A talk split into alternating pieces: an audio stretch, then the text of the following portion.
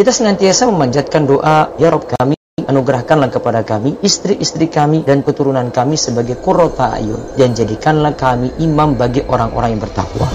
Rihlah Keluarga Sakinah bersama Majelis Ta'lim Sofia Solehah dan Rumaiso tanggal 22 hingga 24 Desember 2023. Makna kurota ayun itu adalah istri dan anak-anak itu taat kepada Allah. Ayo ajak keluarga Anda untuk rihlah sembari mengikuti kajian eksklusif Keluarga Idaman Menuju Surga bersama Ustadz Muhammad Abdul Tuasikal, Ini dimulai dari mana? Dari orang tua yang baik, yang soleh. Ustadz Aminur Bait, antara suami dengan Ustadz istrinya Abu Salman Muhammad, agar selalu terikat sama dan Allah. Kak Erlan Iskandar. Siapa yang tadi Fasilitas menginap di Hotel Grand Rohan Jogja, rihlah ke Pantai Mesra Gunung Kidul, kunjungan ke Darusolihin, makan siang dengan menu deso, jamuan makan malam di Sekar Kedaton, goodie bag dan rihlah kit, full hadiah kuis, belanja oleh-oleh khas Jogja, full booth produk lokal pilihan, welcome drink, sweet coffee break, lunch, dan happy dinner. Dapatkan spesial harga early bird sebelum tanggal 20 September 2023. Untuk informasi dan pendaftaran, hubungi nomor berikut. Semoga Allah karuniakan pada kita keluarga sakinah, mawaddah warahmah dan mendapatkan kurota ayun penyejuk mata. Rihlah Keluarga Sakinah dipersembahkan oleh Majelis Taklim Sofia Solehah dan Rumaiso. Kita senantiasa memanjatkan doa, Ya Rob kami, anugerahkanlah kepada kami, istri-istri kami, dan keturunan kami sebagai kurota ayun, dan jadikanlah kami imam bagi orang-orang yang bertakwa. Rihlah Keluarga Sakinah bersama Majelis Taklim Sofia Solehah dan Rumaiso tanggal 22 hingga 24 Desember 2023. Makna kurota ayun itu adalah istri dan anak-anak itu taat kepada Allah. Ayo ajak keluarga Anda untuk rihlah sembari mengikuti kajian eksklusif Keluarga Idaman Menuju Surga bersama Ustadz Muhammad Abdul Tuasikal, Ini dimulai dari mana? Dari orang tua yang baik, yang soleh. Ustadz Aminur Bait, antara suami dengan Ustadz istrinya Abu Salman Muhammad, agar selalu terikat sama dan Allah. Kak Erlan Iskandar. Siapa yang tadi Fasilitas menginap di Hotel Grand Rohan Jogja, rihlah ke Pantai Mesra Gunung Kidul, kunjungan ke Darusolihin, makan siang dengan menu deso, jamuan makan malam di Sekar Kedaton, goodie bag dan rihlah kit, full hadiah kuis, belanja oleh-oleh khas Jogja, full booth produk lokal pilihan, welcome drink, sweet coffee break, lunch, dan happy dinner. Dapatkan spesial harga early bird sebelum tanggal 20 September 2023. Untuk informasi dan pendaftaran, hubungi nomor berikut. Semoga Allah karuniakan pada kita keluarga sakinah, mawaddah warahmah dan mendapatkan kurota ayun penyejuk mata. Rihlah Keluarga Sakinah dipersembahkan oleh Majelis Taklim Sofia Solehah dan Rumaiso. Kita senantiasa memanjatkan doa, Ya Rob kami, anugerahkanlah kepada kami, istri-istri kami, dan keturunan kami sebagai kurota ayun, dan jadikanlah kami imam bagi orang-orang yang bertakwa. Rihlah Keluarga Sakinah bersama Majelis Taklim Sofia Solehah dan Rumaiso tanggal 22 hingga 24 Desember 2023. Makna kurota ayun itu adalah istri dan anak-anak itu taat kepada Allah. Ayo ajak keluarga Anda untuk rihlah sembari mengikuti kajian eksklusif Keluarga Idaman Menuju Surga bersama Ustadz Muhammad Abdul Tuasikal, Ini dimulai dari mana? Dari orang tua yang baik, yang soleh. Ustadz Aminur Bait, antara suami dengan Ustadz istrinya Abu Salman Muhammad, agar selalu terikat sama dan Allah. Kak Erlan Iskandar. Siapa yang tadi Fasilitas menginap di Hotel Grand Rohan Jogja, rihlah ke Pantai Mesra Gunung Kidul, kunjungan ke Darusolihin, makan siang dengan menu deso, jamuan makan malam di Sekar Kedaton, goodie bag dan rihlah kit, full hadiah kuis, belanja oleh-oleh khas Jogja, full booth produk lokal pilihan, welcome drink, sweet coffee break, lunch, dan happy dinner. Dapatkan spesial harga early bird sebelum tanggal 20 September 2023. Untuk informasi dan pendaftaran, hubungi nomor berikut. Semoga Allah karuniakan pada kita keluarga sakinah, mawaddah warahmah dan mendapatkan kurota ayun penyejuk mata. Rihlah Keluarga Sakinah dipersembahkan oleh Majelis Taklim Sofia Solehah dan Rumaiso. Kita senantiasa memanjatkan doa, Ya Rob kami, anugerahkanlah kepada kami, istri-istri kami, dan keturunan kami sebagai kurota ayun, dan jadikanlah kami imam bagi orang-orang yang bertakwa. Rihlah Keluarga Sakinah bersama Majelis Taklim Sofia Solehah dan Rumaiso tanggal 22 hingga 24 Desember 2023. Makna kurota ayun itu adalah istri dan anak-anak itu taat kepada Allah. Ayo ajak keluarga Anda untuk rihlah sembari mengikuti kajian eksklusif Keluarga Idaman Menuju Surga bersama Ustadz Muhammad Abdul Tuasikal, Ini dimulai dari mana? Dari orang tua yang baik, yang soleh. Ustadz Aminur Bait, antara suami dengan Ustadz istrinya Abu Salman Muhammad, agar selalu terikat sama dan Allah. Kak Erlan Iskandar. Siapa yang tadi Fasilitas menginap di Hotel Grand Rohan Jogja, rihlah ke pantai mesra Gunung Kidul, kunjungan ke Darusolihin, makan siang dengan menunteso, jamuan makan malam di Sekar Kedaton, goodie bag dan rihlah kit, full hadiah kuis, belanja oleh-oleh khas Jogja, full booth produk lokal pilihan, welcome drink, sweet coffee break, lunch, dan happy dinner. Dapatkan spesial harga early bird sebelum tanggal 20 September 2023. Untuk informasi dan pendaftaran, hubungi nomor berikut. Semoga Allah karuniakan pada kita keluarga sakinah, mawaddah warahmah dan mendapatkan kurota ayun penyejuk mata. Rihlah Keluarga Sakinah dipersembahkan oleh Majelis Taklim Sofia Solehah dan Rumaiso. Kita senantiasa memanjatkan doa, Ya Rob kami, anugerahkanlah kepada kami, istri-istri kami, dan keturunan kami sebagai kurota ayun. Dan jadikanlah kami imam bagi orang-orang yang bertakwa. Rihlah Keluarga Sakinah bersama Majelis Taklim Sofia Solehah dan Rumaiso tanggal 22 hingga 24 Desember 2023. Makna kurota ayun itu adalah istri dan anak-anak itu taat kepada Allah. Ayo ajak keluarga Anda untuk rihlah sembari mengikuti kajian eksklusif Keluarga Idaman Menuju Surga bersama Ustadz Muhammad Abdul Tuasikal, Ini dimulai dari mana? Dari orang tua yang baik, yang soleh. Ustadz Aminur Bait, antara suami dengan Ustadz istrinya Abu Salman Muhammad, agar selalu terikat sama dan Allah. Kak Erlan Iskandar. Bismillahirrahmanirrahim. Assalamualaikum warahmatullahi wabarakatuh.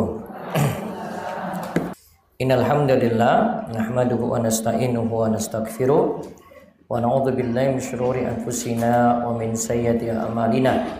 May yahdihillahu fala mudhillalah wa may yudlil fala hadiyalah. Wa asyhadu an la ilaha illallah wahdahu la syarikalah wa asyhadu anna Muhammadan abduhu wa rasuluh. Allahumma salli ala nabiyyina Muhammad wa ala alihi wa man tabi'ahum bi ihsan ila yaumiddin. Allahumma inna nas'aluka imanan la yartad wa na'iman la yanfad wa murafaqata Muhammad sallallahu alaihi wasallam fi a'la jannatil khuld. Allahumma inna na'udzubika min zawali ni'matik wa tahawuli afiyatik wa fujaati wa jami'i sakhatik. Puji syukur kita panjatkan pada Allah. Selawat serta salam semoga tercurah pada junjungan kita Nabi Agung, Nabi yang mulia, Nabi kita Muhammad sallallahu alaihi wasallam. Baik, pada kesempatan pagi hari ini kita kembali melanjutkan hadis Al-Arba'in An-Nawawiyah karya Imam Nawawi hadis ke-37. Penjelasan mengenai hadis-hadis mengenai dasar Islam kali ini kita kaji tentang masalah niat. An Ibni Abbasin radhiyallahu anhu radhiyallahu anhuma ani Nabi sallallahu alaihi wasallam bima yarwi an rabbih tabaraka wa ta'ala. Qol innallaha katabal hasanati was sayyiati summa bayyana dzalik faman hamma bi hasanatin falam ya'malaha katabaha Allah indahu hasanatan kamilatan. Wa in hamma biha fa amilaha katabaha Allahu innahu asyrat asyra hasanatin ila sab'i mi'ati di'fin ila ad'afin kathiratin. Wa in hamma bi sayyi'atin falam ya'malha katabaha Allahu indahu hasanatan kamilatan. Wa in hamma biha fa amilaha katabaha Allahu sayyi'atan sayyi'atan wahidatan. Rawahul bukhari rawahul bukhari wa muslimun fi sahihihima fi hadhil hurufi. Disebutkan dalam hadis ini dari Ibnu Abbas radhiyallahu anhuma Rasulullah sallallahu sallallahu alaihi wasallam tentang hadis yang beliau riwayatkan dari Rabbnya tabaraka wa taala. Yaitu kita kenal ini hadis qudsi disebut dengan hadis qudsi. Beliau bersabda sesungguhnya Allah menulis kebaikan-kebaikan dan keburukan-keburukan kemudian menjelaskannya kemudian menjelaskannya.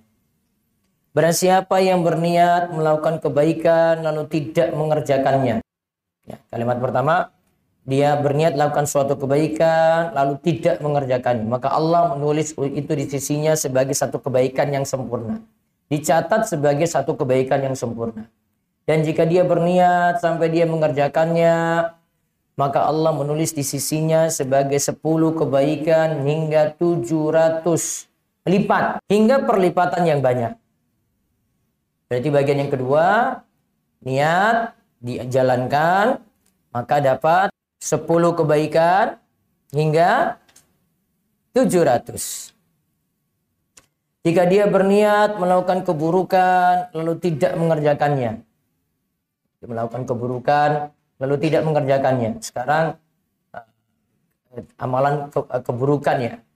Amalan jelek. Dia niat dia tidak mengerjakannya maka Allah menulis itu di sisinya sebagai satu kebaikan yang sempurna. Dan jika dia berniat melakukan keburukan lalu dia kerjakan, dicatat oleh Allah sebagai satu keburukan. Hadis ini diriwayatkan Imam Bukhari dan Muslim. Berarti ada empat hal ya. Satu, ini ada niat, ini ada amalkan atau tidak. Sekarang untuk amalan baik. Sudah niat. Tapi amalkan atau tidak tadi? Yang pertama, tidak ya. Tidak amalkan. Maka dicatat apa tadi? Dicatat satu kebaikan sempurna. Di sini balasannya dicatat satu kebaikan. Yang kedua, masih amalan baik. Niat gak tadi? Niat. Amalkan tidak? Dia amalkan yang kedua ya. Amalkan. Balasannya apa? Dicatat 10 700 iya kan? Ila adafin kathira hingga berlipat-lipat. Nanti kita akan lihat alasannya bisa berlipat-lipat. Terus yang ketiga, amalan buruk. Tadi niatnya niat. Amal kena tidak? Tidak jadi. Dia tinggalkan karena Allah. Balasannya apa? Hah? Dicatat? Dicatat satu kebaikan. Terus yang keempat, amalan buruk lagi. Niat iya. Amalkan keburukan, dia amalkan. Maka dicatat satu keburukan saja. Tidak berlipat-lipat seperti sini berarti kebaikan. Jadi lihat di sini ibu-ibu, ini kebaikannya saya sudah 10 minimal bisa 700. Ini cuma satu. Jadi dengan rahmat Allah, amalan baik ini lebih dibesarkan ganjarannya daripada amalan buruk. Amalan baik itu lebih besar ganjarannya daripada amalan buruk. Itu ringkasan dari hadis dulu, belum kita rinci. Dah? Nah, hamba itu berniat bertekad. Dia sudah punya niat, sudah punya tekad di situ. Terus dikatakan lagi, ingatlah pembicaraan hati tidaklah dicatat dan tidaklah dikenakan hukuman. Berarti baru terbetik saja belum. Sehingga pembicaraan hati tidaklah termasuk hamba. Tidak termasuk tekad tadi. Yang dimaksud dengan hamba adalah bertekad untuk mengerjakan akan tetapi datang kemalasan lantas ia tidak melakukan seperti ini dicatat kebaikan yang sempurna. Atau datang halangan. Bagaimana bisa dapat balasan padahal tidak beramal? Ia diberi balasan karena azamnya. Jadi karena niatnya saja, niatnya yang jujur, maka ia dicatat mendapatkan kebaikan yang sempurna. Jadi dia diberi balasan karena niatnya saja dulu Bu ini. Nih, satu kebaikan karena niat di sini. Ini kan karena baru niat. Oke, sekarang kita lihat satu rincian di sini orang yang punya ham. Ham tadi apa? Tekad, niat. Orang yang punya ham, tekad atau niat dalam kebaikan. Lantas tidak dilakukan ada beberapa bentuk. Satu, melakukan sebab namun tidak mendapatinya. Dia sudah lakukan sebab, namun tidak mendapatinya. Orang seperti ini mendapatkan kebaikan yang sempurna. Ini saya beri contoh. Terus yang kedua, sudah punya ham dan azam. Tekad dan azam. Azam sama tekad juga. Tetapi ditinggalkan karena ada kebaikan yang lebih abdol. Orang seperti ini akan mendapatkan pahala kebaikan yang lebih tinggi, lebih sempurna, sedangkan untuk amalan yang ditinggalkan yang lebih rendah dicatat mendapatkan pahala dari ham atau tekadnya. Yang ketiga, jika meninggalkan amalan karena kemalasan. Misalnya sudah berniat mau mengerjakan sholat duha. Lantas ada teman yang mengajak untuk jalan. Yuk jalan-jalan aja yuk. Udahlah kamu sok rajin aja kamu itu. Ini teman-teman ini buat buat ini aja ini. Setan-setan manusia ini kayaknya ini ya. Besarnya itu. Ia diberi ganjaran sebatas niatnya saja. Ingat niatnya, bukan amalnya. Dia bukan, oh saya meninggal sudah niat, berarti saya sudah sholat dua enggak. Niatnya saja, berarti tidak sebesar kalau amalkan. Tetapi tidak diberi balasan untuk perbuatan karena tidak dilakukan tanpa uzur. Beda ya di sini ya. Coba lihat yang pertama dulu. Melakukan sebab tetapi tidak mendapatinya. Contoh. Sudah daftar haji berangkat 2023, 2022 meninggal. Berarti dapat pahala apa? Niat atau amal? Hmm? Niat atau amal? Sudah punya ham dan asam kan? Hmm? Sudah ada kan? Maka kalau niatnya jelas iya. Karena tidak kesampaiannya harusnya berangkat 2023. Qadarullah meninggal 2020 dicatat dapat pahala haji juga. Tanya Bu, wis daftar aja Bu. Walaupun nunggu 30 tahun lagi. Siapa tahu banyak yang undur diri Bu. Sekarang itu banyak yang mengundurkan diri Bu karena terlalu mahal. Yang reguler saja naik, apalagi yang plus plus plus plus ya kan. Udah daftar aja. Ini tinggal nunggu takdirnya saja kapan berangkat. Nanti perbanyak doa lagi ya Allah mudah-mudahan saya dipercepat lagi ya karena siapa tahu banyak yang mundur bu. Ada teman saya itu daftarnya 2020 haji plus dia ya harusnya nunggu lima tahun lah. Dia cuma nunggu tiga tahun aja 2023 berangkat dia. Karena banyak yang mengundurkan diri. Terus yang kedua, ini antara pilihan. Ada dua amal kalau keadaan kedua ini ada amalan yang satu, ada amalan dua. Amalan kedua ini lebih afdol. Oke. Okay? Amalan kedua lebih afdol. Amalan pertama masih di bawah ini. Tapi dia berniat lakukan yang pertama, tapi qadarullah tabrakan dengan yang kedua. Contoh, mau sholat duha, ternyata tabrakan dengan jadwal ngajinya dulu. Dan ini nggak ada waktu lagi nih. Eh, waktu dua itu sampai jam berapa, Bu? Waktu sholat dua sampai jam berapa? Hah? Ah, taruhlah 11 dia jam 11, uh, 11 sampai zuhur itu masih ada waktu ya. 11 sampai zuhur itu habis ini pengajian jam 11, habis itu jam 11 sampai zuhur dia ada urusan lagi. Sehingga nggak mungkin dia kerjakan itu kecuali milih majelis ilmu. Maka dia pilih majelis ilmu dia tidak sempat kerjakan sholat duha, padahal sudah niat. Oke, maka sholat duha dicatat niatnya, jadi dapat pahala niat, kemudian dia dapat pahala yang lebih besar karena menuntut ilmu. Ini di sini di poin nomor dua ini bu, ini kita belajar skala prioritas. Nih ibu itu belajar skala prioritas kita itu akan hadapi dua ini. Bahkan mungkin lebih daripada dua. Tinggal kita itu mau ngatur gimana. Pintar manage kalau gitu. Ya, pintar milih. Ini saya mau milih apa ya? Ada skala prioritas. Kita pilih A atau pilih B. Pilih dua-dua nggak bisa. Ya sudah pilih salah satu. Terus kenapa yang dipilih menuntut ilmu dibanding sholat dua? Kalau sholat dua itu amalannya untuk individu. Kalau ibu itu belajar, berada dalam majelis ilmu, amalannya untuk ibu sendiri. Terus dimotivasi dengan ilmu lagi, nanti tambah semangat. Ya. Terus berikutnya, bisa ngajak orang lain karena punya ilmu. Kan kita kalau mau ngajak orang lain kan harus dasar ilmunya jelas. Gitu Bu. Cara milihnya seperti itu. Ini diajarkan skala prioritas. Kadang yang bertabrakan itu bukan wajib dengan sunnah. Bukan wajib dengan sunnah ya pilih wajib. Ya kan? Namun yang tabrakan itu sunnah dan sunnah. Secara hukum sama. Kalau sudah tabrakannya itu wajib dan sunnah, pilih yang mana bu? Pilih yang mana? Wajib. Skala prioritas. Wajib lebih didahulukan daripada yang sunnah. Contoh, Waktu ini nih, ini nih tabrakan nih. Hari ini ada tagihan utang. Oke. Terus ada lagi mau sedekah. Mana yang didahulukan? Alhamdulillah pada sadar semuanya. Mana yang lebih wajib, Bu? Utang.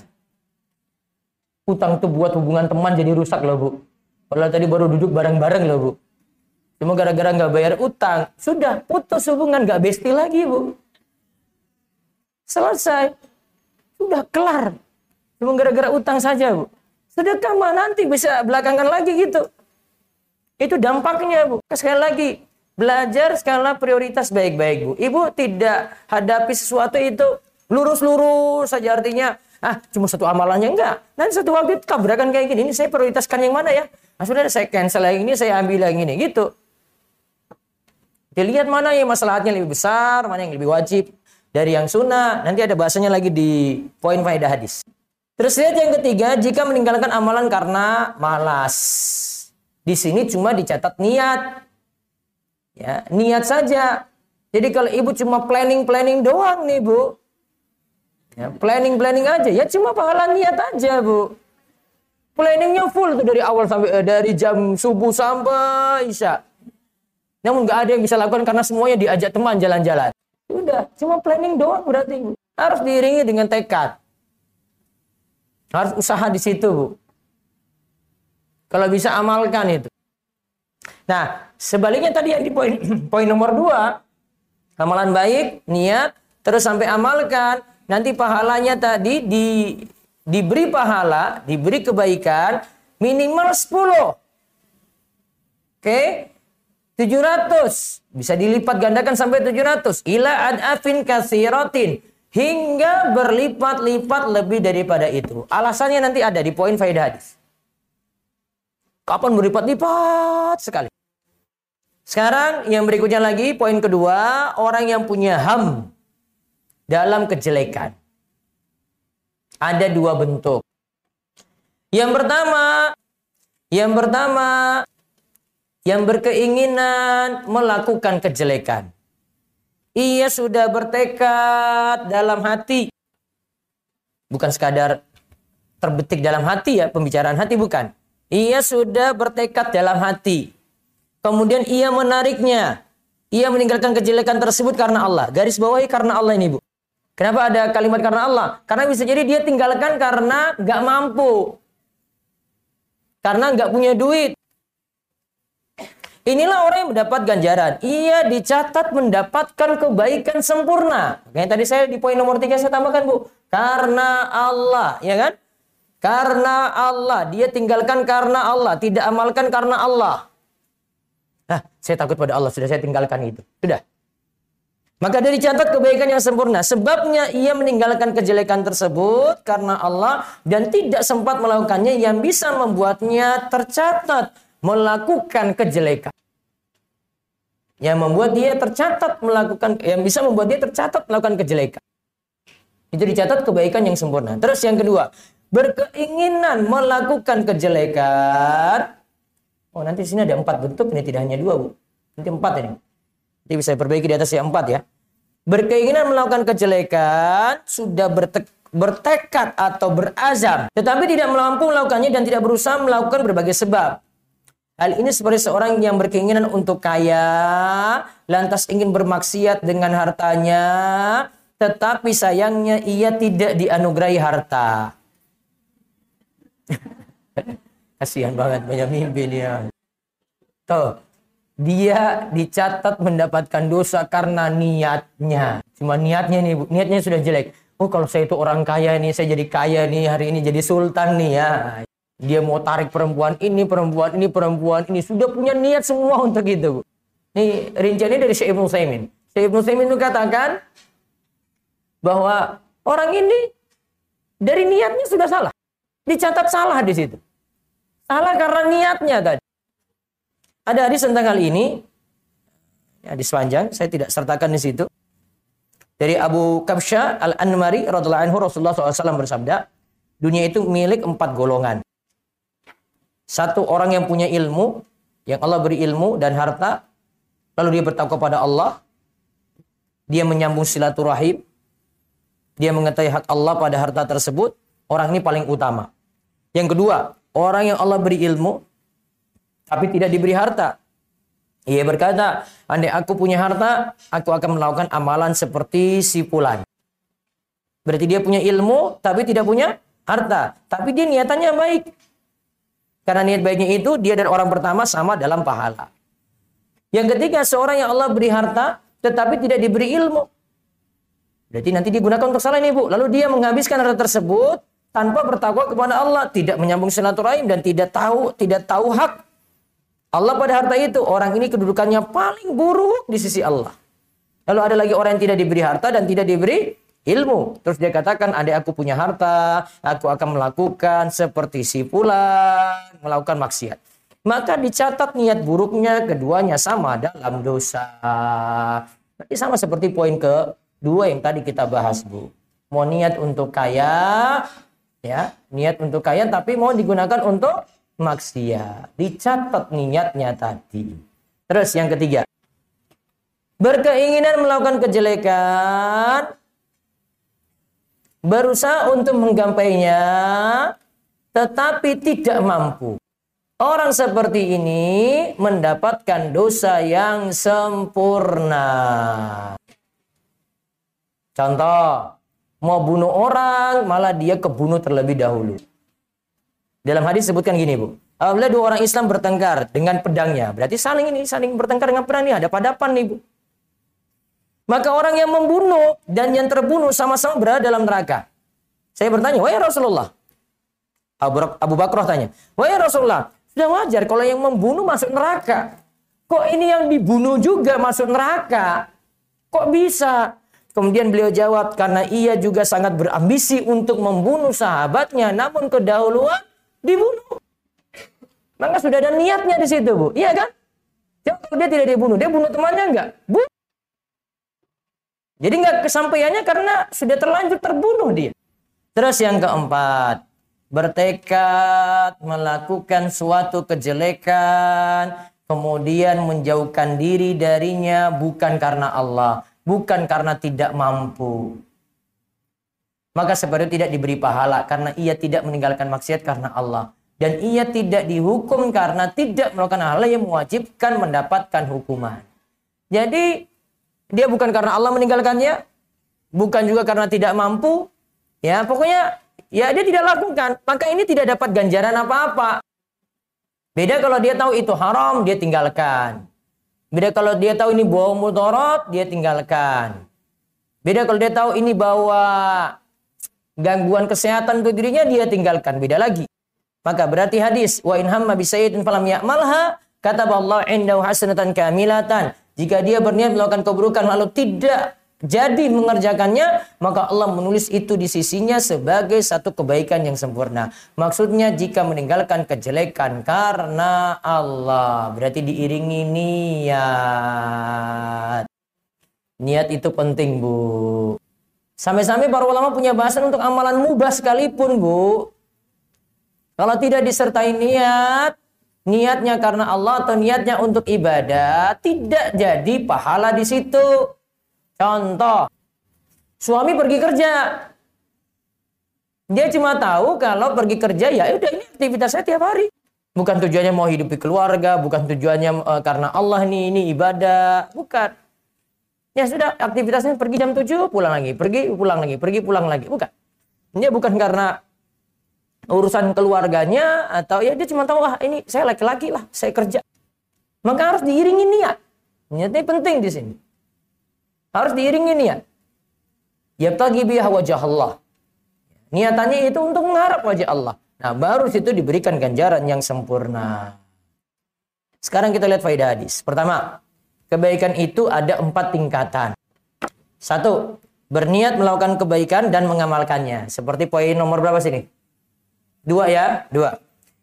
Akan mendapatkan satu kebaikan sempurna hingga sepuluh kebaikan hingga tujuh ratus kali lipat. Bahkan bisa berlipat daripada itu.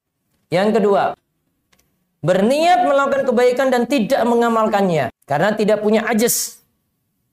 Karena tidak mampu, ya karena tidak mampu. Karena tidak mampu atau ajes. Maka dapat pahala satu kebaikan yang sempurna. Nah, tidak mampu di sini karena uzur, Bu mau malam sudah niat pergi ngaji, pagi demam. Jadi sudah dapat satu kebaikan yang sempurna. Terus yang ketiga, ada yang sudah punya kebiasaan pada kebaikan lalu ia meninggalkannya karena ada uzur. misalnya karena sakit atau safar ya, uzurnya itu ya, ia tetap dicatat pahala yang sempurna. Contoh, saat mukim sholat zuhurnya empat rakaat. Saat safar sholatnya jadi kosor menjadi dua rakaat. Empat rakaat ketika mukim lalu dia kerjakan di saat safar jadi dua rakaat. Dua rakaat ini pahalanya sama dengan empat rakaat. Uzur sakit misalnya. Saat sehat sholatnya berdiri. Saat sakit nggak bisa berdiri, dia duduk. Berarti pahalanya dicatat saat dia duduk ketika sakit sama seperti berdiri. Yang penting catatannya tadi Bu, punya kebiasaan. Jadi penting buat rutinitas Bu. Sama, contoh. Sholat rawatib itu Nabi SAW tinggalkan ketika safar. Kecuali sholat sunnah fajar. Oke, okay? Ketika dia mukim rutin terus, rawatib dia jaga terus. Qobliya subuh dua, sebelum zuhur empat misalnya. Terus sudah zuhur dua, dia maghrib dua, dia isya dua, rutin terus. Pas safar dia nggak kerjakan itu, dicatat tetap melakukannya. Yang penting apa bu? Punya kebiasaan, rutinitas. Gitu emak-emak. Apa contoh ibu-ibu ya? Ibu-ibu itu kalau sudah saat ini punya anak repotnya bukan main bu. Syukur-syukur bisa sholat wajib bu. Alhamdulillah. Betul nggak bu? Mau suluh rawatib, boro-boro rawatib bu. Wah anak ngamuk-ngamuk. Yang penting sebelumnya ibu sudah punya rutinitas ya. Kadang tetap lakukan. Insya Allah dicatat terus bu. Alhamdulillah dah bu. Ingat ya, asalkan punya kebiasaan. Jadi punya kebiasaan rutin. Sama kebiasaan ngaji juga demikian. Nah, di majelis ilmu juga sama, Bu. Kebiasaan zikir pagi juga sama, zikir petang juga. Sebelum tidur juga gitu. Tapi kayaknya sebelum tidur tuh bukan mikirin zikir deh, kayaknya mikirin skincare dulu ya sebelum tidur. Ada yang lebih penting lagi Bu dibanding itu, Bu. Terus satu lagi, jika ia berniat, bertekad tetapi tidak mengamalkannya. Ini tidak mengamalkannya. Dan diakhirkan atau diundur. Bukan karena ajes. Bukan karena tidak mampu. Bukan karena uzur. Allah catat baginya satu kebaikan sempurna untuk niatnya saja. Jadi cuma dapat niat. Lalu kejelekan juga ada empat tingkatan. Satu, berniat melakukan kejelekan dan mengamalkannya. Maka dicatat Berapa? Satu. Beda dengan amalan kebaikan tadi, Bu. Amalan kebaikan gimana? Niat terus amalkan berapa? Sepuluh, tujuh ratus. Bisa berlipat-lipat lagi. Amalan kejelekan, niat terus amalkan berapa? Satu. Bu, sepuluh banding satu. Bu. Maka kalau orang dalam timbangan besok itu di akhirat, kok timbangan kejelekannya lebih banyak, memang dosanya banyak banget. Satu-satu, satu-satu ini dia kumpulin, Bu. Bisa ngalahin yang 10 10 10 tadi, Bu. Minimal loh itu. Terus yang ketiga, eh, yang kedua, yang kedua berniat melakukan kejelekan dan akhirnya meninggalkannya karena takut kepada Allah. Catat, takut pada Allah di garis bawah, Ibu. Maka dicatat baginya satu kebaikannya sempurna.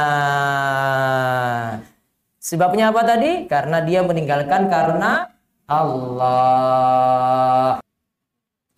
Terus yang ketiga, berniat melakukan kejelekan dan meninggalkannya karena tidak mampu atau ajis. Karena tidak mampu. Dia mau minum miras, kebetulan akhir bulan, tanggal 29. Sudah sudah kepingin banget dia, sudah tekad banget nih. Nggak ada duit. Ya, nggak ada duit dia. Maka dicatat baginya satu kejelekan.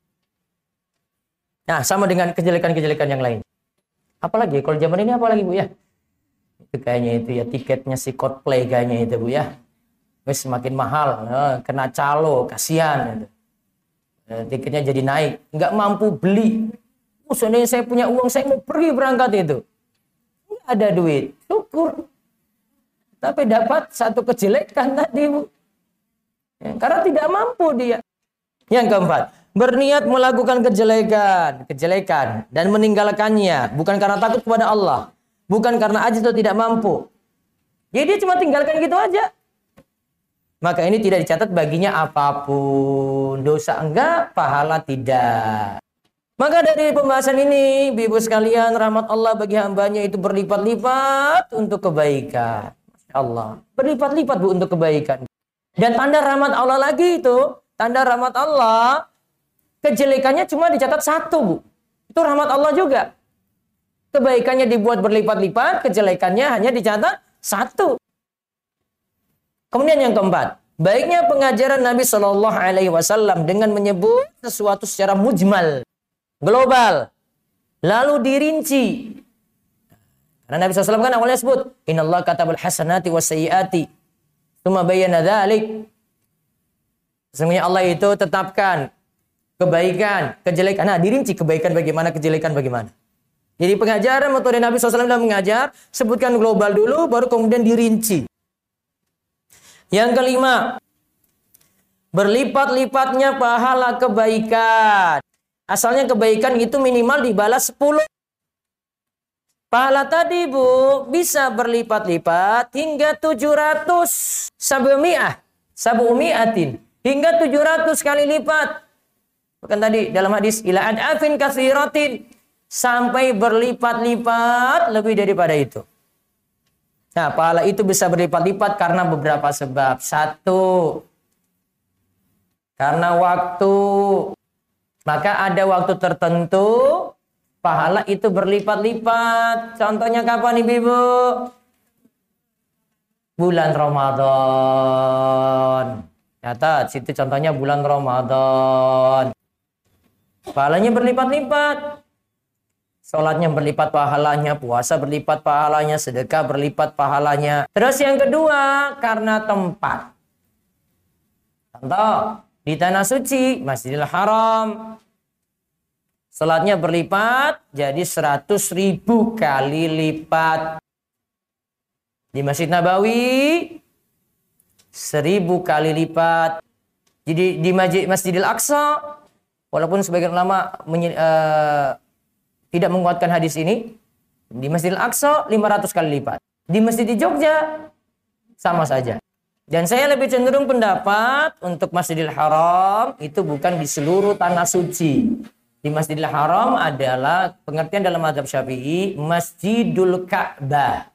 Masjid yang ada di sekitar Ka'bah. Berarti Masjidil Haram. Di hotel, musola hotel nggak masuk. Ya, di musola hotel nggak masuk. Karena ada musola hotel yang mengelilingi Masjidil Haram. Itu sudah terpisah jalan satu. Yang kedua, safnya tidak bersambung. Safnya tidak bersambung. Dan kadang lantainya di lantai sembilan, terus cuma lihat saja yang ada di Masjidil Haram. Karena memang keadaannya kayak gini harusnya kita dari Indonesia juga bisa lihat langsung itu yang ada di TV itu. Kalau cuma sekadar melihat saja. Jadi disyaratkan tetap sapnya bersambung. Kalau sudah beda bangunan, Bu, syaratnya sapnya harus bersambung. Ini ada uh, masjid sini, Masjid Mina. Uh, itu rumah Pak Arif, Bu Ani situ ya, sebelah. Mau sholat dari rumah, harus sapnya sampai situ. Gak bisa ada sholat maghrib di sini, terus ada yang rumah samping-samping sini nih. Ini saya sholat di rumah saja. Kenapa? Oh, saya dengar itu suara imam Masjid Mina. Kalau sampai tidak bersambung, maka tidak dianggap berjamaah dengan sini. Karena sudah berbeda bangunan. Ini terkait dengan tempat. Jadi ada tempat yang pahalanya berlipat-lipat. Yang kedua, jenis amal. Jenis amal. Ada amalan wajib, ada amalan sunnah. Yang lebih besar adalah amalan apa, Bu? wajib. Dibanding sunnah. Jenis amal juga di sini yang sesuai syariat dengan yang tidak lebih aman, yang sesuai syariat dan pahalanya lebih besar. Betul nggak? Jadi pakai syariat bu. Soalnya kalau pakai adat, adat itu tidak jelas. Pakai perhitungan manusia, perhitungan manusia juga tidak jelas. Lihat baik-baik ini cerita tentang keadaan Sa'ad bin Abi Waqqas. Saat lagi sakit berat. Dia bilang kepada Rasulullah SAW ketika haji wada. Haji wada itu haji tahun 10 Hijriah. Ketika haji wada, dan sesatunya haji yang dilakukan oleh Nabi SAW ada hijrah cuma haji wada saja. Jadi Nabi SAW haji sekali. Ketika itu saat sakit berat. Namanya sakit berat bu, sakit berat.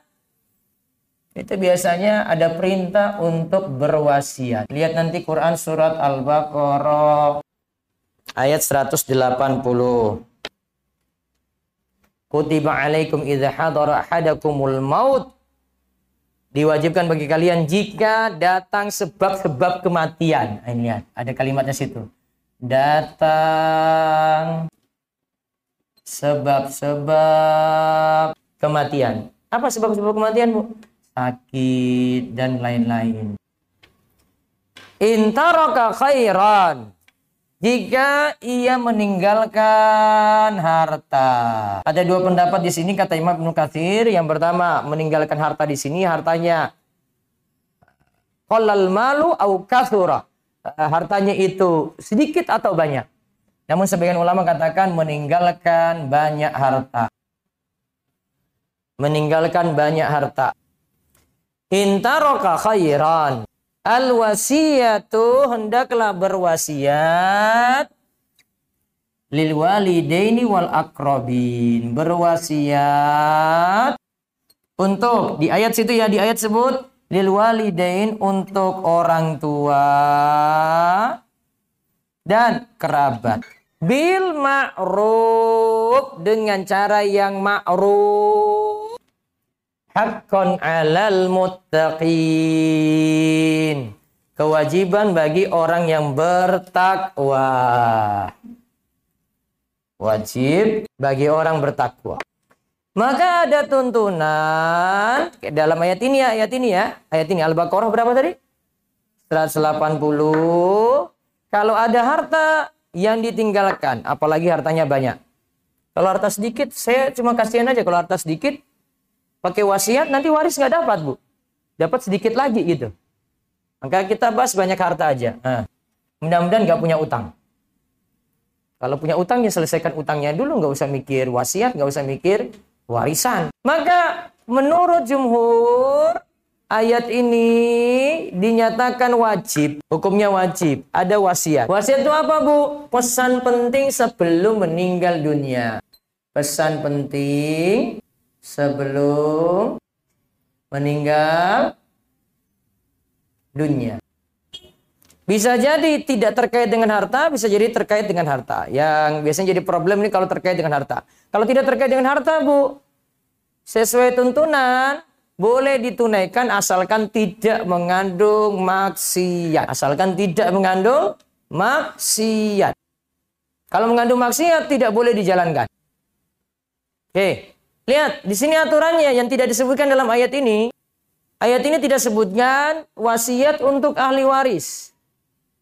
Dalam hadis disebutkan la wasiat li warisin. Ada satu aturan di sini wasiat tidak boleh untuk untuk siapa?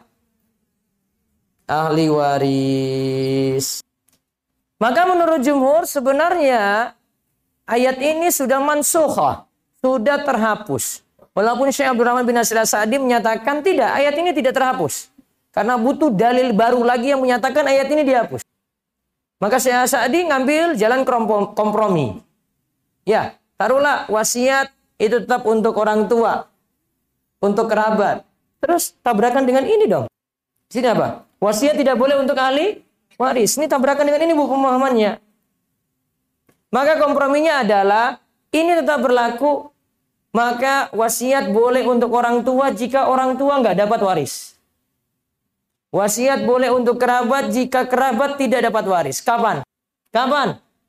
Bisa orang tua nggak dapat waris? Eh bu, mau ada anak istri, orang tua tetap dapat. Anak durhaka kalau nggak kasih ke orang tua itu bu. Kapan orang tua nggak dapat waris? Kapan orang tua nggak da- dapat waris? Wahai ibu-ibu hafizakunallah, ya Allah. Bu, itu kalau waris itu bu, ini enam orang ini nih harus dapat. Enam orang ini nggak dapat itu masalah bu. Ini si pewaris ini dia harus kasih kepada kalau si yang meninggal istri kasih ke suami atau yang meninggal suami kasih ke istri. Ada anak berarti anak laki, anak perempuan, Ah. ayah, ibu. Ini harus dapat bu. Suami atau istri salah satu ya. Lima berarti bu. Lima harus dapat. Lima ini hidup, sama-sama hidup semuanya. Dapat. Lima ini hidup semuanya, dapat semuanya bu. Sekarang pertanyaan saya. Mungkin nggak orang tua nggak dapat waris? Kapan? Murtad. Berarti boleh ayat ini masih berlaku berwasiat untuk orang tua murtad. Nggak dapat waris bu dia. Terus berwasiat untuk kerabat yang murtad. Masih bisa. Ini kalau ini muslim semua dapat bu ini. Waris dapat nih. Yang nggak dapat kalau ada ini semuanya lengkap. Apalagi ada anak lanang. Hmm. Anak laki itu anak penghabis harta semuanya bu. Apalagi ada anak laki, saudara-saudara nggak dapat. Selesai nih dihabisin anak laki-laki. Makanya bu, sayang suami baik-baik bu. Suami pewaris harta tunggal nanti itu bu, bisa. Ada ayah, ada ibu, ada ya yang meninggal, yang meninggal eh, laki-laki misalnya ya, meninggal laki-laki punya anak nih, anaknya laki tunggal, terus yang meninggal ini punya istri, terus masih punya orang tua, ya, anak laki tunggal ini bu, dia habisin harta semuanya. Sisanya itu untuk dia bu. Mau saya kasih tahu hitungannya, Bu?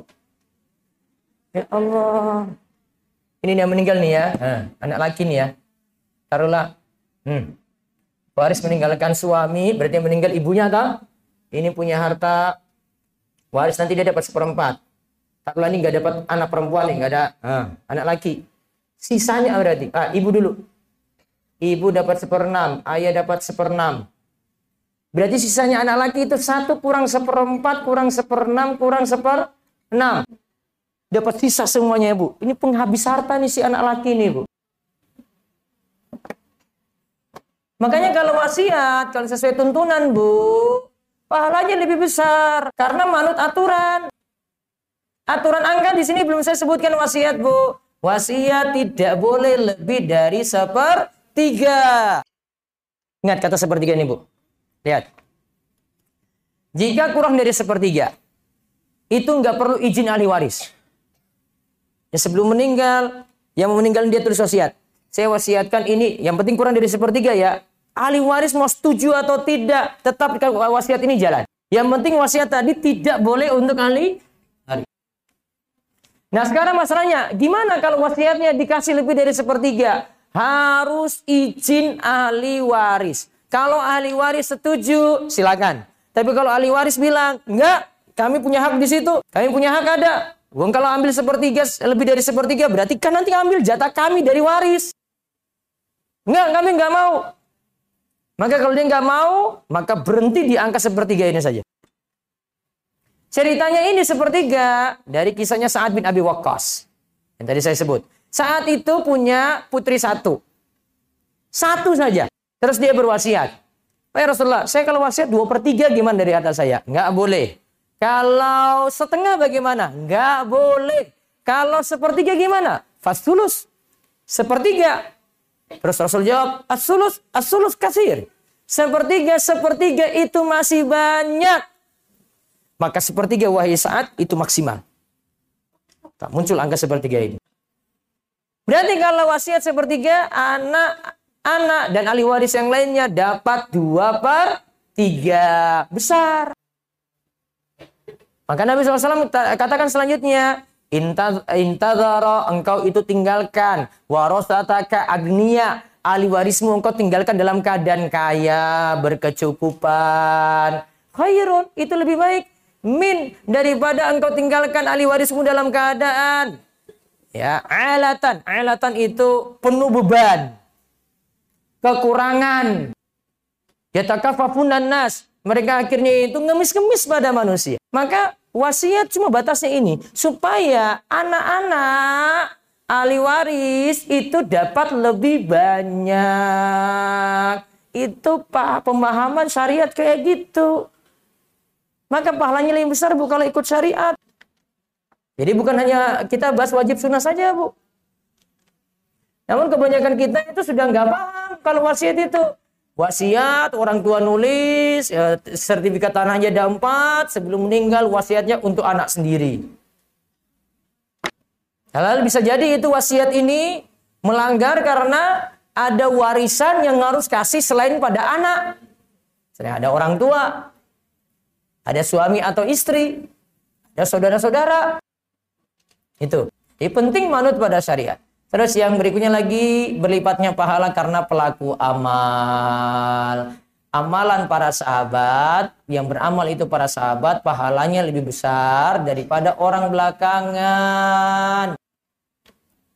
Sahabat-sahabat kalau mau sedekah, bandingkan dengan kita-kita walaupun kita sedekah sepenuh gunung Uhud, Kata Nabi SAW, masih kalah sedekah kita dibandingkan sedekah para sahabat.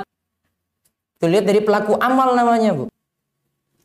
Terus yang keenam. Kejelekan yang dimaksudkan dalam hadis di antaranya adalah dosa besar dan dosa kecil. Sebagaimana kebaikan yang dimaksudkan dalam hadis adalah amalan wajib dan sunnah. Jadi tadi berniat jelek bisa jadi berniat pada dosa besar maupun pada dosa kecil. Terus amalan tadi, amalan wajib maupun amalan sunnah.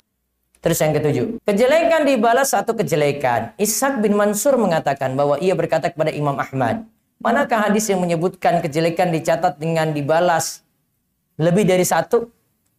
Imam Ahmad menjawab tidak ada.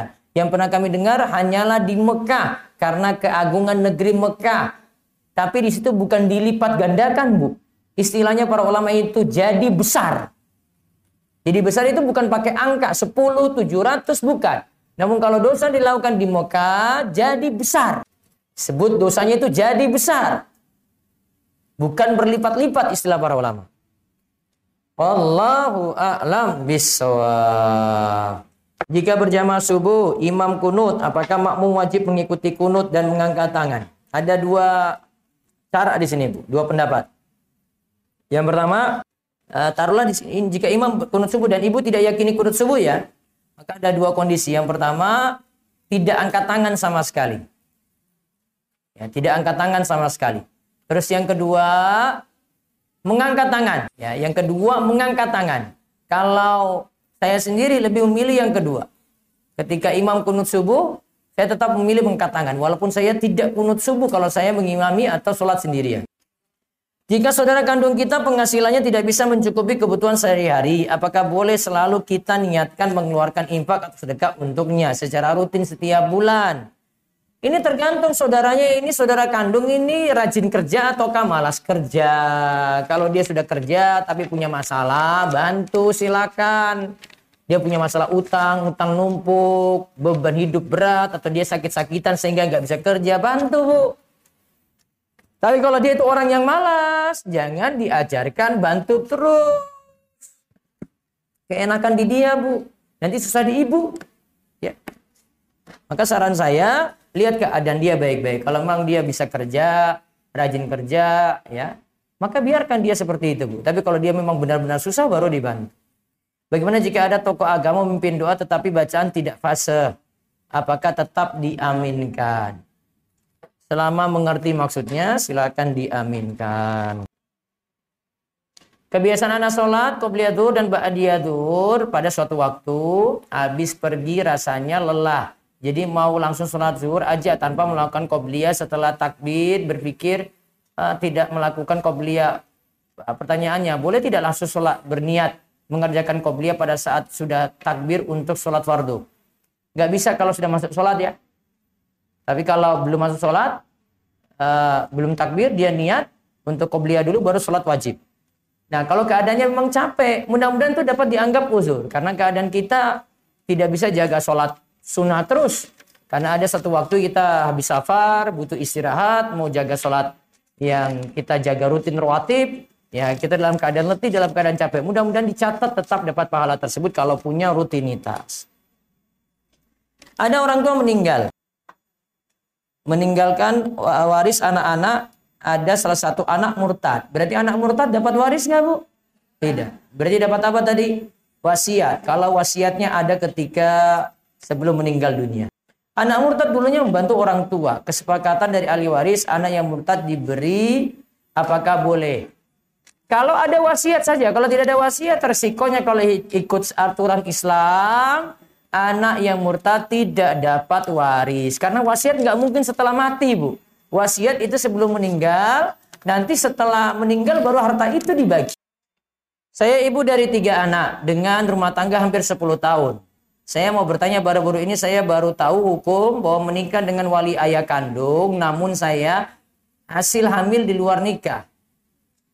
Dia katakan di sini tidak sah. Bagaimana hukum rumah tangga saya? Saya ini paham saya soal ya.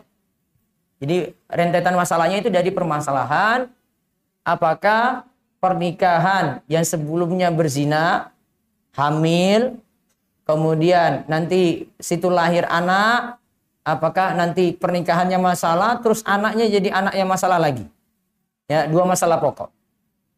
Saya lebih cenderung pakai pendapat. Ingat Bu, yang pertama, dua masalah ini ikhtilaf di antara para ulama. Jadi jangan nganggap ini kesepakatan para ulama. Nganggap kesepakatan para ulama salah. Ngajinya kurang berarti. Ini hal yang ada perselisihan di sini.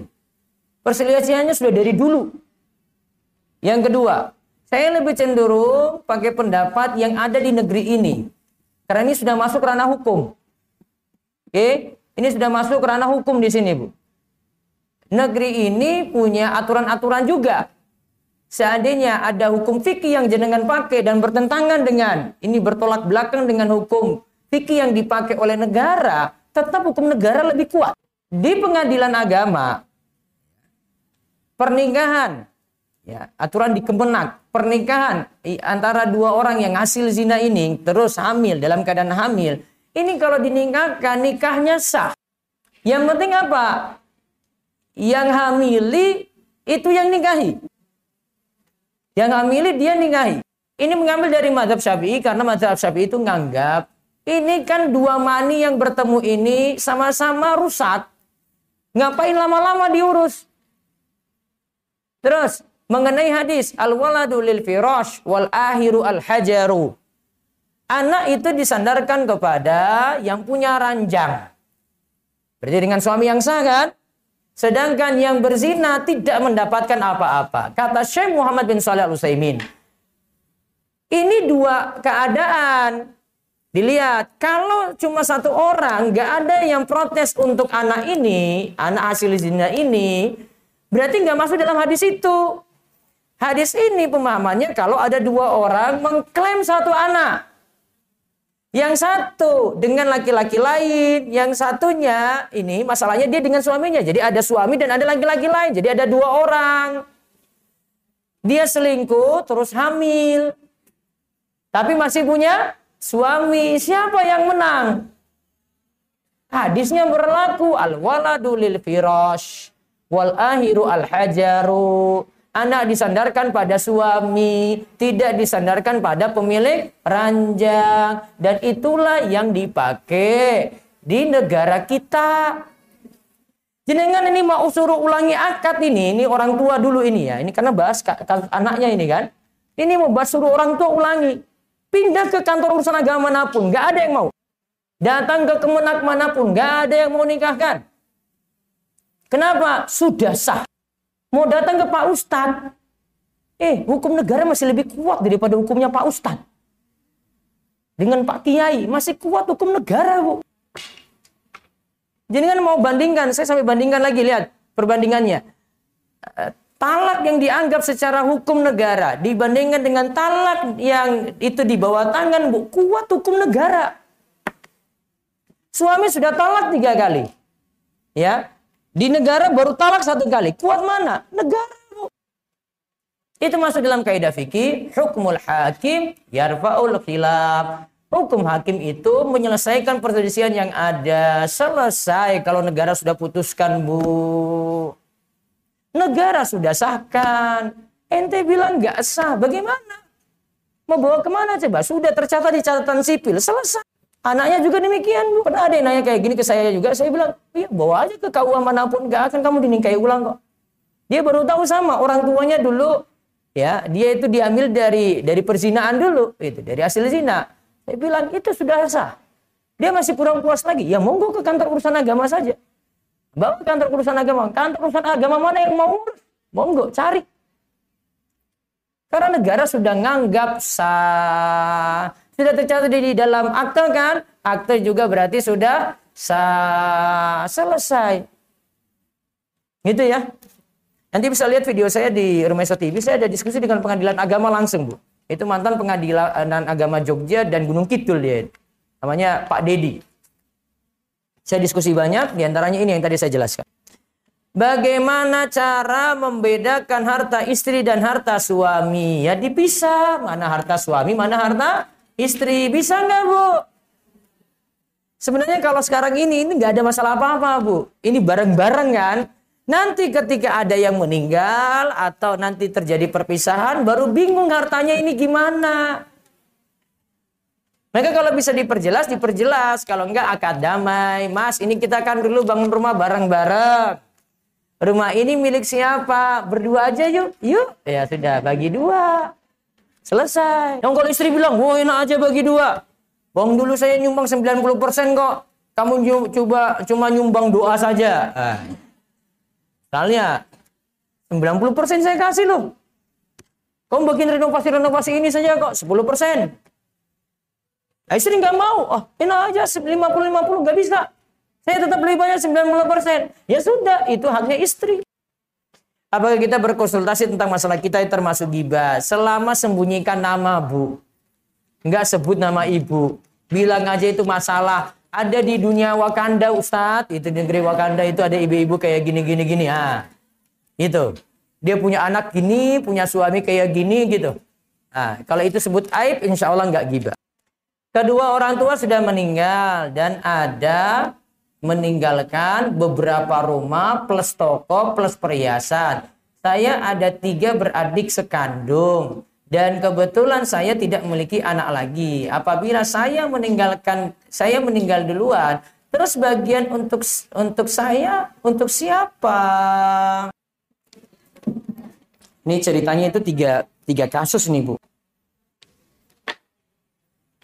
Itu ceritanya situ ada suami, G, ada istri, terus ada anak berapa tadi? Tiga ya? Anak satu, anak dua, anak tiga. Oke. Taruhlah tadi yang bertanya anak perempuan, karena ibu-ibu yang nanya, anak perempuan. Yang lainnya taruhlah anak lagi, tadi nggak disebutkan. Lihat, ketika suami meninggal, siapa yang dapat waris? Istri, anak, anak, anak. Oke, kasus satu. Kasus dua, sama dengan tadi Bu. Suami sudah nggak ada lagi kan, berarti kita bahas istri saja. Istri punya anak perempuan, punya anak laki, punya anak laki. Terus istrinya meninggal, warisnya untuk siapa? Anak tiga ini. Ya toh? Anak perempuan dapat, anak laki dapat, anak laki dapat. Dua kali bagi waris. Sekarang yang di sini ibu tanya, terus kalau saya meninggal, mungkin pertanyaannya, ini kan sebelumnya belum dibagi waris ini bu. Berarti anak perempuan ini sudah dapat dua kali. Kalau belum dibagi baru ngurus sekarang, ya berarti kalau ibu ini meninggal jatuh ke anak-anak, berarti anak-anak yang pegang itu. Karena ketika anak perempuan ini meninggal punya anak, anak-anaknya dapat. Jadi kasus ketiga nanti Bu. Ya, kasus pertama suami meninggal, kasus kedua istri meninggal, kasus ketiga anak perempuan itu meninggal. Jadi pembahasannya tiga lembar. Ya Bu. Waalaikumsalam warahmatullahi wabarakatuh. eh, ada suami istri, eh, istrinya sudah meninggal, tapi mempunyai dua anak laki dan perempuan. Lalu harta itu dari suami istri istrinya sudah meninggal itu dibagi harta pemilikan dan 50-50. ya Oke. sudah eh, dan dari pengadilan eh, hak istri yang sudah meninggal itu sudah. Suami dapat juga. Nah, suami kan dapat. Lalu suami itu menikah kembali. Nikah lagi. Ya, dengan istri yang berikutnya. Harta itu kan bawaan dari suami. Eh, karena ada satu dan lain suami ada kekhawatiran harta yang bagian dia itu dengan istri yang baru, anaknya tidak akan memberikan. Lalu suami memberikan wasiat, membuat wasiat Wasiat untuk untuk istri. istri keduanya. Apakah boleh ya? Apakah boleh jadi harta dia yang dari bagi harta pemilih tadi dengan kata tidak lebih dari sepertiga harta yang ada. Ngapain? Waris itu sudah otomatis, Bu. Kalau dia nikah dengan istri yang baru, istri baru otomatis dapat. Ngapain pakai wasiat? Di sini ada wasiat dikarenakan anak-anak dari istri pertama itu nggak paham. Ya itu anak-anaknya tidak akan memberikan jadi tahunya nanti kalau harta yang punya bapaknya itu Iya, sebelum meninggal rapat dulu, rapat kabinet keluarga besar. tidak boleh jadi pasien. Ya, saya yakin kayaknya nggak akan dituruti itu si wasiat tadi itu.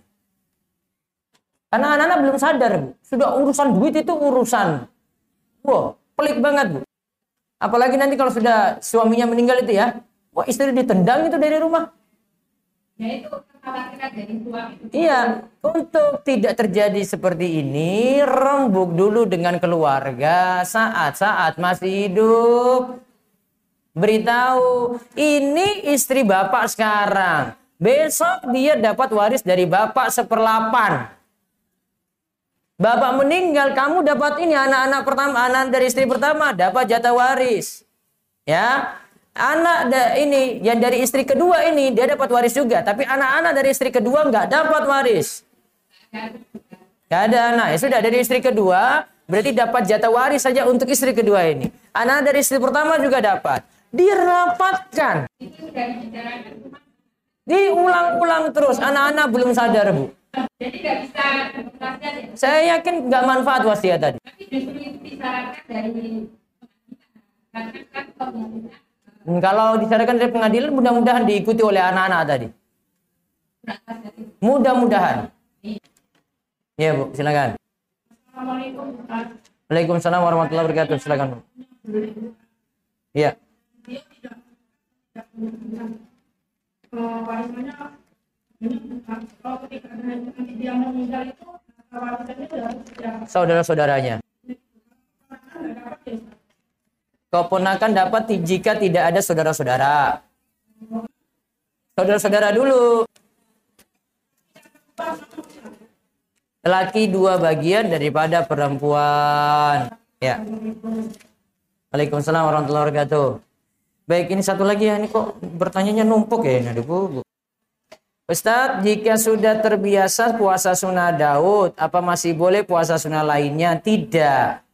Karena puasa Daud sudah paling maksimal. Jadi nggak ditambah Arafah, nggak ditambah Senin Kemis, nggak ditambah Ayamul Bid. Fokus ke puasa Daud saja. Bagi muslimah lebih besar mana pahalanya? Lebih afdol mana ketika di Masjidil Haram atau Masjid Nabawi? Sholat di dalam hotel atau di masjid? Kalau ibu tidak ada halangan, pergi ke masjid saja. Namun kalau ibu ada kendala di hotel nggak apa-apa. Bagi wanita, pahalanya sama seperti sholat di masjid. Waalaikumsalam warahmatullahi wabarakatuh. Ya, Silakan Bu. Eh?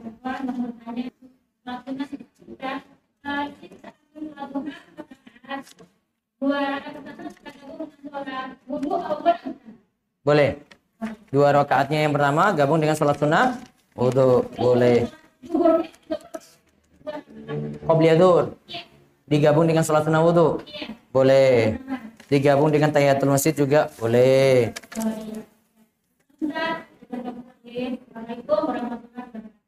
Bagaimana jika kita safar? Waalaikumsalam warahmatullahi wabarakatuh. Bagaimana jika kita safar tapi tetap menjalankan sholat secara sempurna, tidak dikosor? Oke. Dan menjalankan sholat-sholat sunnah apakah diperbolehkan? Boleh. Menjamak sholat dan mengkosor tadi hukumnya boleh, bukan wajib. Jika safarnya karena ibadah umroh, apakah sholatnya kosor juga? Nanti lihat keadaan bu. Karena kalau ibu di Masjidil Haram, Masjid Nabawi, langsung ikut saja imam di masjid, nggak usah kosor sholat. Ya, Bagaimana dengan ibadah-ibadah sholat sunnah yang lainnya? Kalau masih bisa lakukan saat safar, nggak apa-apa. Wallahu alam bisawab. Demikian yang nanti pertanyaan yang belum saya jawab nanti insya Allah di Selasa kedua. Demikian. Semoga Allah beri topik dan hidayah kepada kita semuanya. Baik, Alhamdulillah untuk sudah kajian kita pada hari ini. Semoga ilmu yang saya dapat menjadi Kita senantiasa memanjatkan doa, Ya Rob kami, anugerahkanlah kepada kami, istri-istri kami, dan keturunan kami sebagai kurota ayun. Dan jadikanlah kami imam bagi orang-orang yang bertakwa. Rihlah Keluarga Sakinah bersama Majelis Ta'lim Sofia Solehah dan Rumaiso tanggal 22 hingga 24 Desember 2023. Makna kurota ayun itu adalah istri dan anak-anak itu taat kepada Allah. Ayo ajak keluarga Anda untuk rihlah sembari mengikuti kajian eksklusif Keluarga Idaman Menuju Surga bersama Ustadz Muhammad Abdul Tuasikal, Ini dimulai dari mana? Dari orang tua yang baik, yang soleh. Ustadz Aminur Bait, antara suami dengan Ustadz istrinya Abu Salman Muhammad, agar selalu terikat sama dan Allah. Kak Erlan Iskandar. Siapa yang tadi Fasilitas menginap di Hotel Grand Rohan Jogja, rihlah ke Pantai Mesra Gunung Kidul, kunjungan ke Darusolihin, makan siang dengan menunteso, jamuan makan malam di Sekar Kedaton, goodie bag dan rihlah kit, full hadiah kuis, belanja oleh-oleh khas Jogja, full boot produk lokal pilihan, welcome drink, sweet coffee break, lunch, dan happy dinner. Dapatkan spesial harga early bird sebelum tanggal 20 September 2023. Untuk informasi dan pendaftaran, hubungi nomor berikut. Semoga Allah karuniakan pada kita keluarga sakinah, mawaddah warahmah dan mendapatkan kurota ayun penyejuk mata. Rihlah Keluarga Sakinah dipersembahkan oleh Majelis Taklim Sofia Solehah dan Rumaiso.